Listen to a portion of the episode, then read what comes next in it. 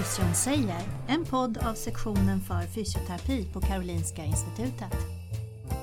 Vi som arbetar här forskar och undervisar om samspelet mellan rörelse, fungerande och hälsa.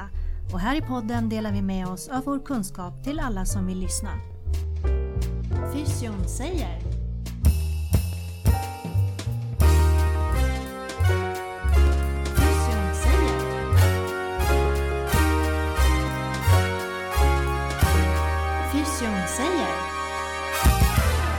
Ja, välkommen till Fysion säger. Mitt namn är Wim Kronoten och jag jobbar på Karolinska Institutet Neurobiologi, vårdvetenskap och samhälle. Sektionen för fysioterapi. Jag kommer att prata om forskning idag. Fysioterapeutisk forskning. Kan man forska inom fysioterapi? Jag tror att alla svarar ja på den frågan, men det finns en hel del problem och möjligheter med fysioterapeutisk forskning och därför kommer jag att bjuda in Claire Arden som har en tjänst som forskare. Och just nu håller hon på med ett forskningsprojekt eh, med, inom knäskador. So I change into English now and uh, will welcome my very special guest today, Claire Arden. Welcome to the pod. Thank you very much, Wim. It's so nice to have you here. You're working now as a postdoc. How many years you have been in Sweden? I've been here a bit more than four years. Oh, that, and you still don't speak Swedish. I do speak Swedish, but I'm a bit shy. And um, I think when we're having a nice, fun conversation, um, you don't really want to hear about my family and where I live and which food I buy at the supermarket. So. That's good. So we keep it in English. You're not only a researcher by yourself, but I have noticed that you also have are an editor for a journal.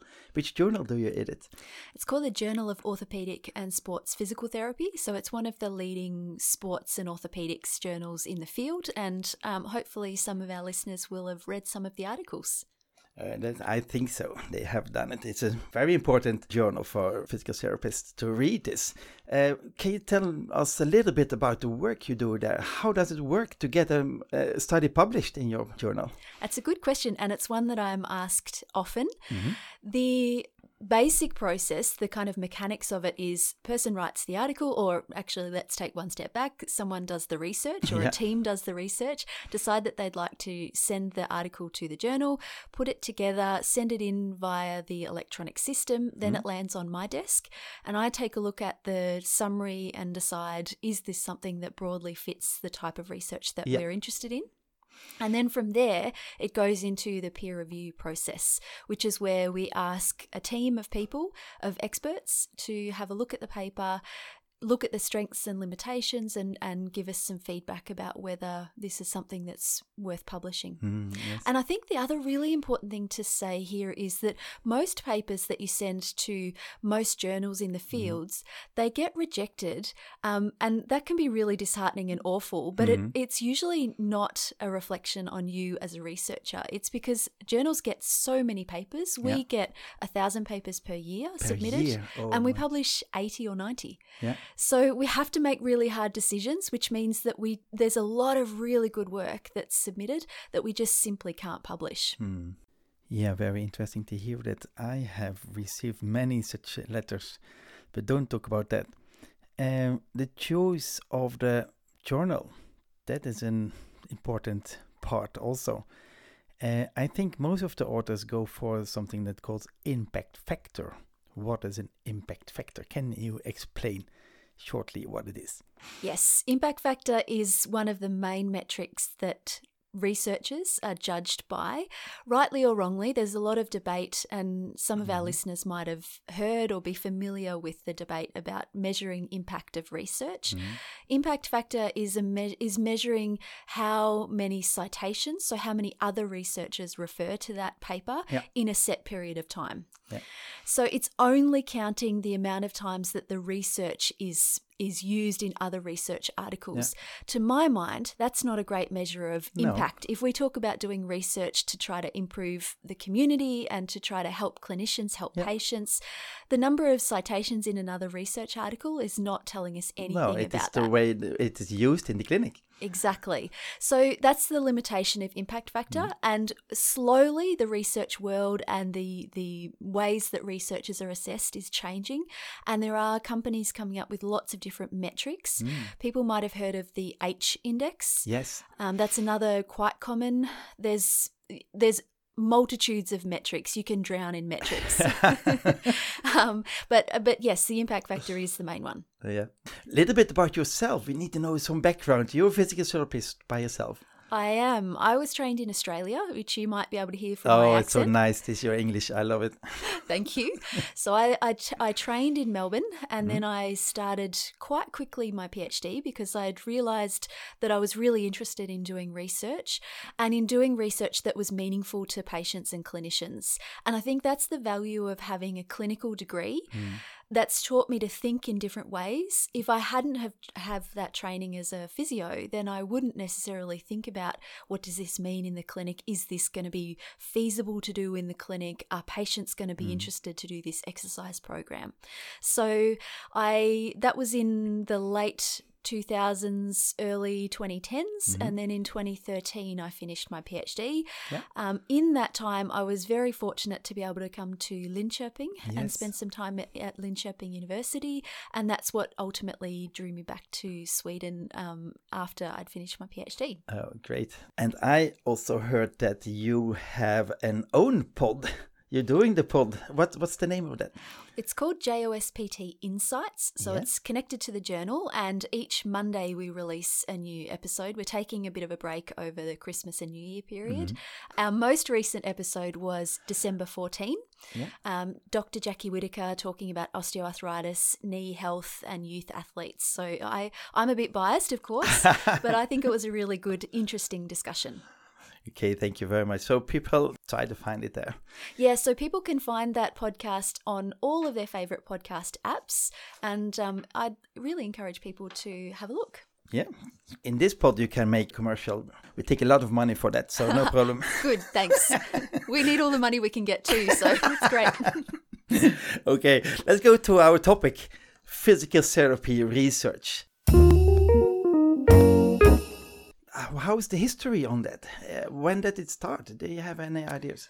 That's a really interesting question because I didn't realize until recently someone alerted me to research happening informally kind of a century ago. Mm. So there is a really strong tradition in medicine, of course, yep. of research, but I think we've also built that tradition as physiotherapists and physical therapists.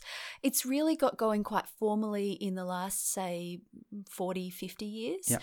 I can speak for JOSPT. The journal's been going yep. since the um, early 80s. And that was really driven by the American Physical Therapy Association. Yep. But but of course there are other journals that have been going for longer. Mm. So so pretty long tradition and a proud tradition I think of research yeah, in so physical too. therapy. And I think Sweden is is quite in the front of this. Uh, I think there are lots of uh, PhDs running around. Absolutely. And I think that's the thing coming from Australia that I really admire in Scandinavia broadly is this tradition and, and Northern Europe, I think, the tradition of um, higher education and of clinicians doing PhDs or doing doctorates in other areas to develop their research mm. skills. Yeah, good. Physical therapy research and medical research, can you compare them or what is what is especially in physical therapy research then? What is the main problems or possibilities? I think there are some, of course, similarities in the way that we approach research design. Mm. So, the types of research designs that you would see in medicine are quite similar to in physical therapy. One of the challenges, I think, with physical therapy is that we like to, when we're comparing two types of treatments, we like to have a control group yeah. and an active intervention group. Yeah. And people will know that from, you know, we're in COVID times, all of the vaccine trials yeah. that have been going on and just simply from reading research as part yeah. of your clinical career.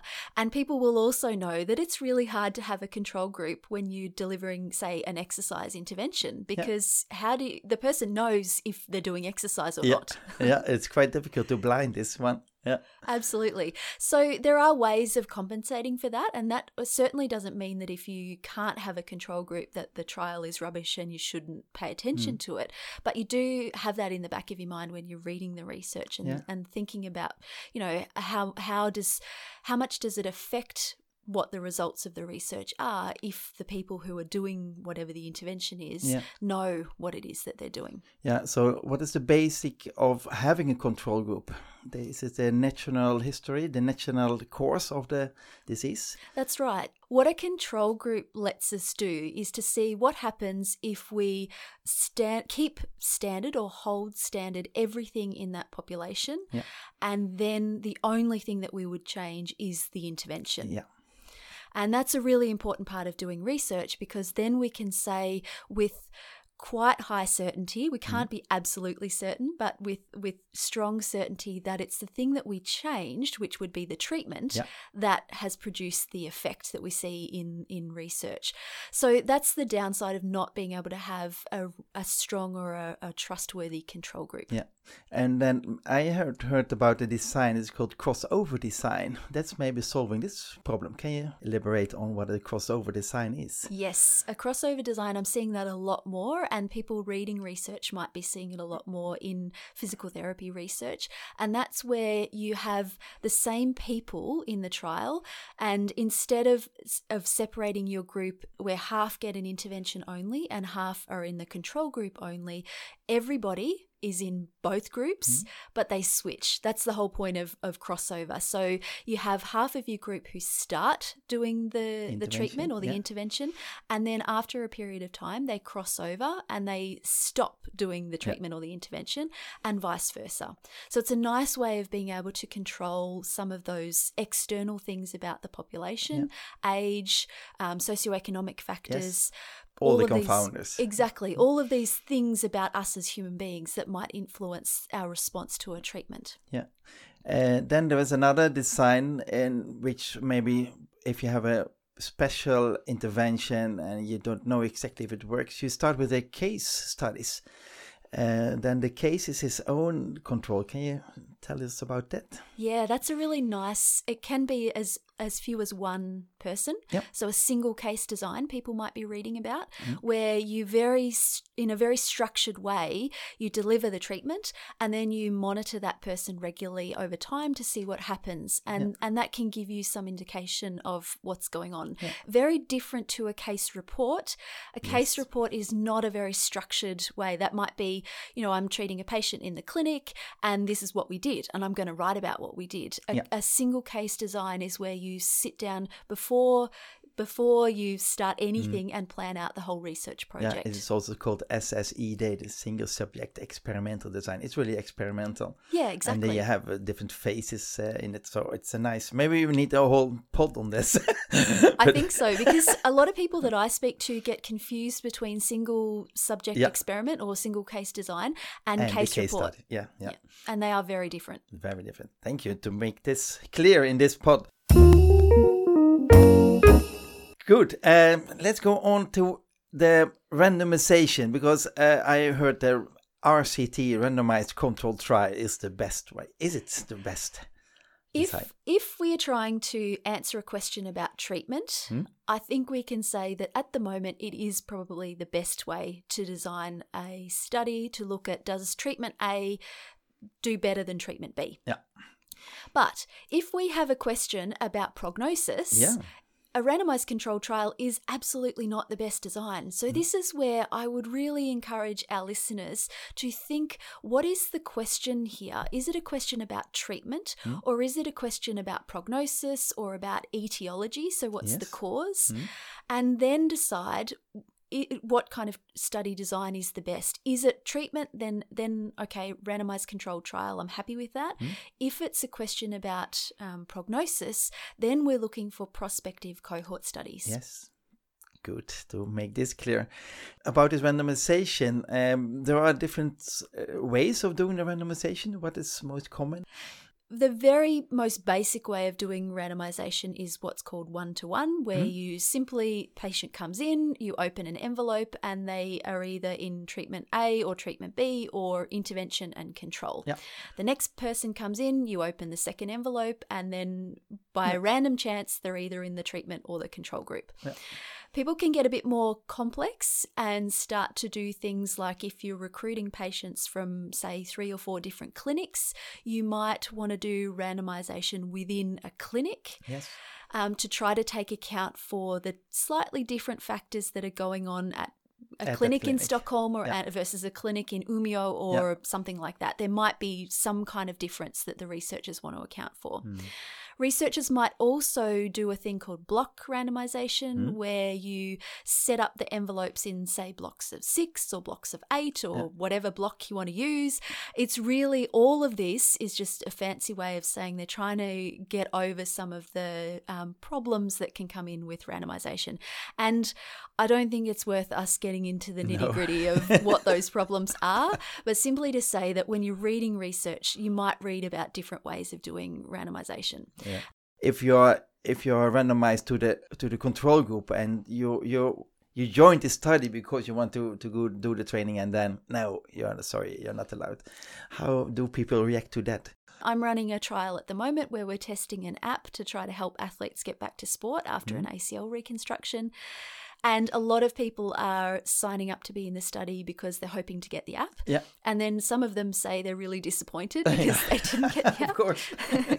so sometimes people will get around that by offering the intervention at the end of the trial. Oh yeah. So you're doing like a like a crossover. Yes. Then everybody's happy. Exactly. Mm-hmm. And part of the part of the challenge is that often when we're doing a randomized control trial, we don't know if that intervention is going to be better.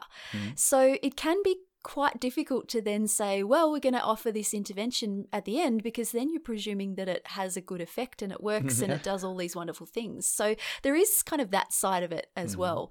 Um, people might also be familiar with placebo controlled orthopedic Yes. trials. Mm-hmm. So some of the recent studies looking at arthroscopy for treating Oh, knee yeah. OA or subacromial decompression surgery, those trials have additional challenges mm-hmm. because you're recruiting people into a trial and to ensure that they can give informed consent, you need to let them know that there's a chance that you will get the subacromial decompression Yeah. or you might simply get the arthroscopy uh, camera in your Yeah. shoulder and a washout and that's it Yeah. or you do an exercise program. Yeah. And some of those trials have been criticized because the critics will say, well, these patients have agreed to be in a study where they might get a sham orthopedic Mm-hmm. surgery, so those patients must have something mentally wrong with them. Yeah. And that's that's the words that people have used to Oh, describe yeah. these Oh, yeah, patients. yeah. So, you know, there's Big words. yeah, exactly. So I would argue that uh, that patients coming into research are usually doing this because they feel altruistically like they want to help society, Mm-hmm. Yeah. and we shouldn't be saying that they, these patients are mentally impaired. No, no, of course not. Thank you for this one.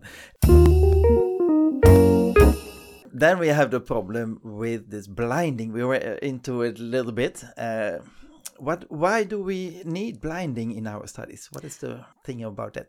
So blinding is where it's, it's like wearing a mask. It's like I don't know what kind of treatment I'm giving if I'm the therapist. If I'm the patient receiving the treatment, I don't know. I can't see what you're doing. Yeah. Essentially, Yeah. um, I don't know what kind of treatment I've received. Yeah. And the reason we do that is because when you know what you've received, you expect something's going to happen.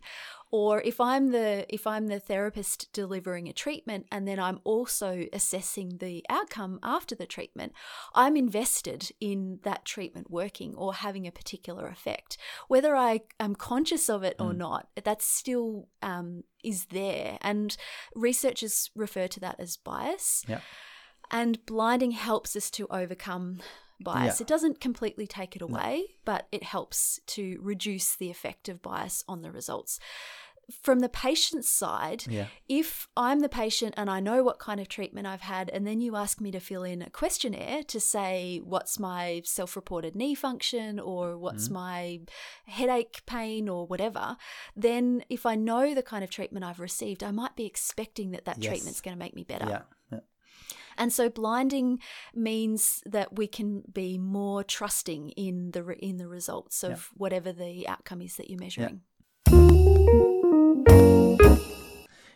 So in physical therapy, there could be some problems with the randomization. There could be some problems with the blinding. Could be some problems with the outcome measures. And uh, the quality of the research used to be measured by different scales. Uh, we have the most uh, common scale is the PEDro scale.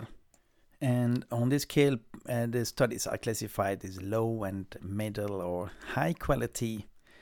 So I wondered if you can say something about the quality of physical therapy studies. So do you think uh, that these aspects we were talking about affect the trustworthiness of the studies? The short answer would be yes, but But that's nice.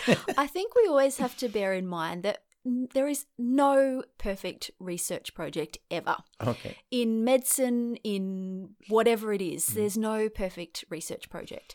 What researchers try to do whenever they do a, a study is to minimize the bias or if you like maximize how trustworthy the results are. So so when i'm reading research i'm looking for the researchers to have put in place some kind of strategy to overcome some of these challenges that we've Yeah. talked about. So whether it's not being able to blind the participants then i would be looking to see well did the therapists who were delivering the treatment mm. know what kind of treatment they were delivering? Or at very least did the people who were assessing the outcomes were they blind? Because almost every time researchers can do that. There- it's very very few occasions where the people measuring the outcomes are unable to be blind to Yes. the treatment.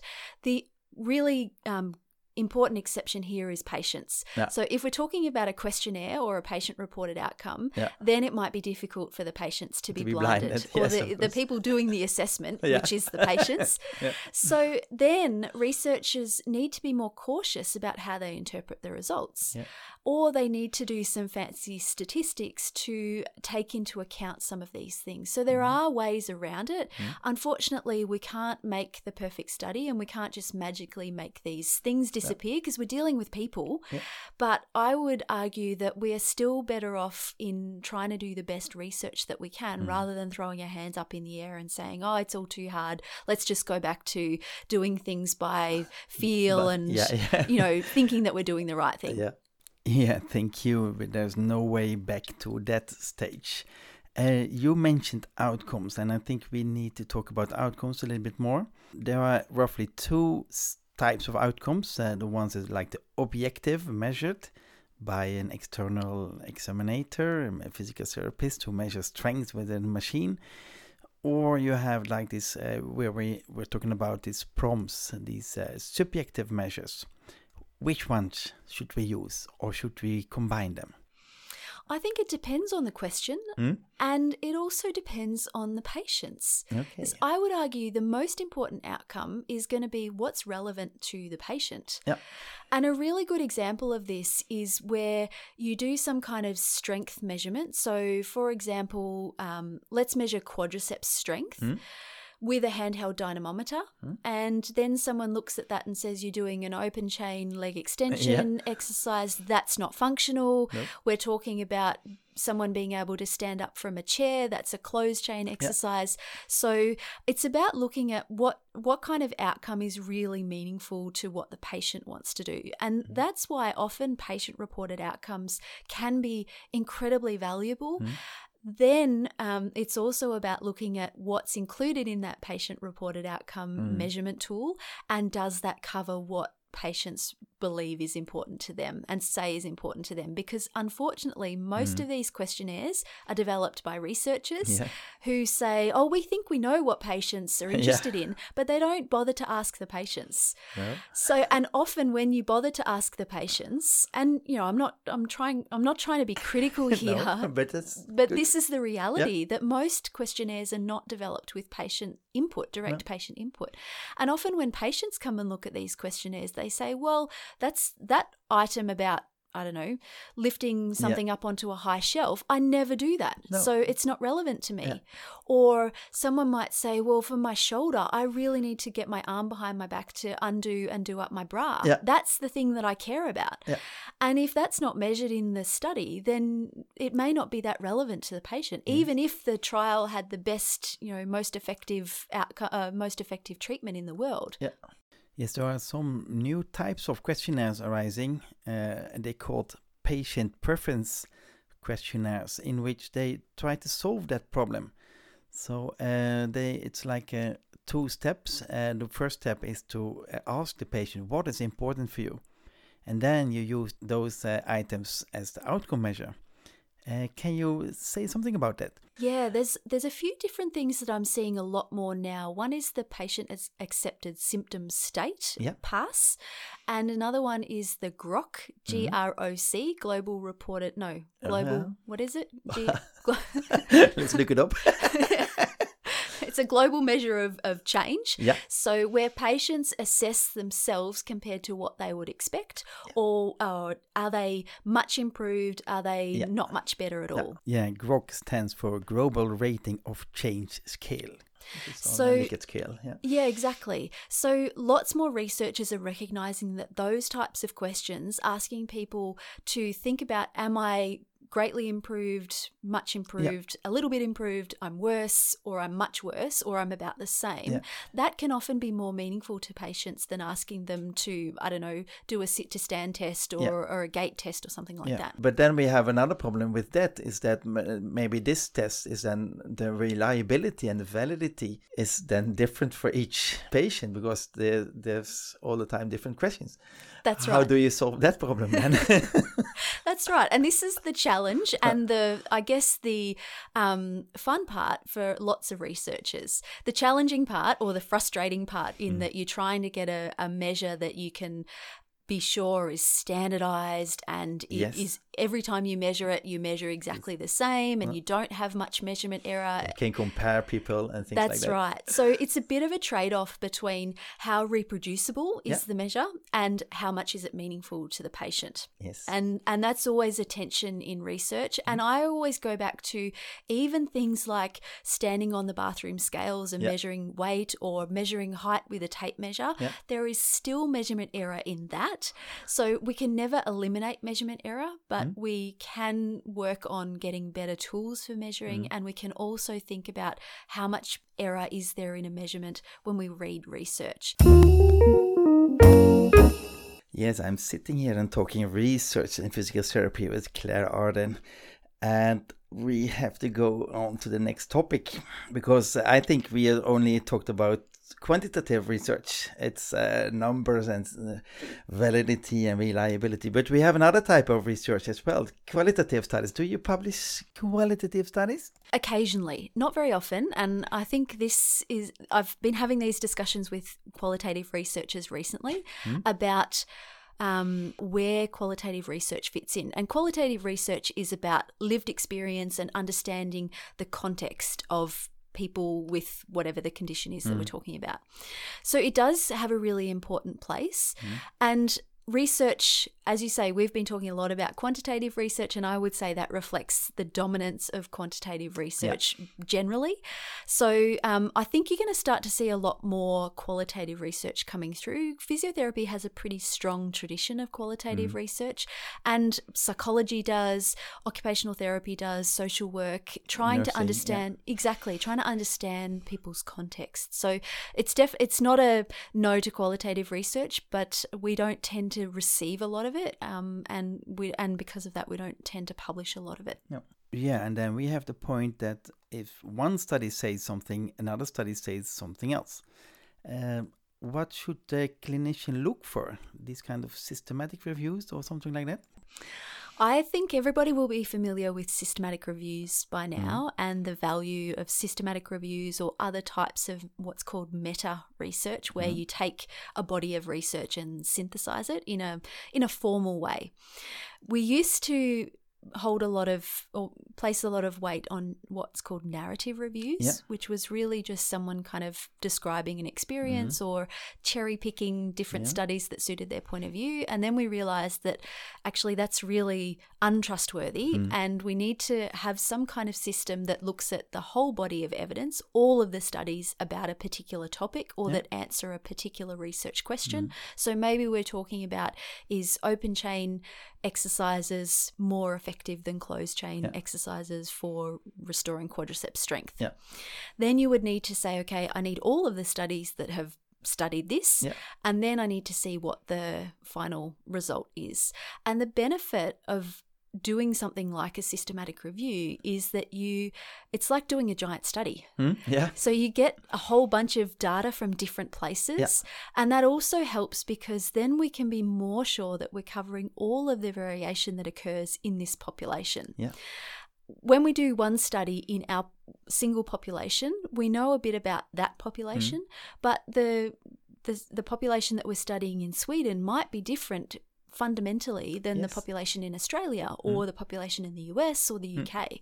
So that's the benefit of a systematic review where you can pull much more information together. Yeah. So, uh, are you using then the, the results of the study or the, the raw data? There's different ways. Hmm? The most common type of systematic review is called an aggregate data Yeah. review, which is where you take the average result Yeah. from all of the different studies that you're looking at. More sophisticated ways of doing a systematic review, and these types of, of designs have been around for 20, 30 years, they're just not very common. One is called an individual participant data meta analysis, which is where you go to each of the researchers and ask them for their, their database. The database, yeah. So it, it is really like doing one giant study Yeah. with a giant Yeah. database. But then you need uh, the same uh, outcome measures and the same intervention. and Everything should that's be the same. That's right. And, And- that's that gets tricky. And then the other one that people might read about is a network meta-analysis, which is where you can do this in lots of different ways, but essentially you can look at a broad question. Um, so I'm trying to think of a good example here. Exercise for shoulder pain. And then you can say, what are all of the different randomized controlled trials that have looked at different exercise programs Yeah. for shoulder pain? They might have compared them to different control groups or Yeah. different other types of interventions. And then in a network meta analysis, you can compare all of these different types of interventions. So I was involved in one that we published a couple of months ago looking mm. at all of the different treatments for Achilles tendinopathy. Oh, nice. And we had a whole bunch of different studies, lots of different treatment types. So, some eccentric exercise Yeah. programs, some concentric, some injections, some prolotherapy, all sorts of things. And the network meta analysis is just a fancy way of being able to compare all of those different treatments and come up with what is the best treatment for Oh, Achilles and now we want to know that. What was the best treatment for this? Um, exercise an exercise program is probably the best option. Um, Mm-hmm. Like so much of our research is complicated, and a lot of the research in this area is not the best. But I would say um, the safest and least harmful way is to go with an exercise program. oh, that's good. They get some information on that.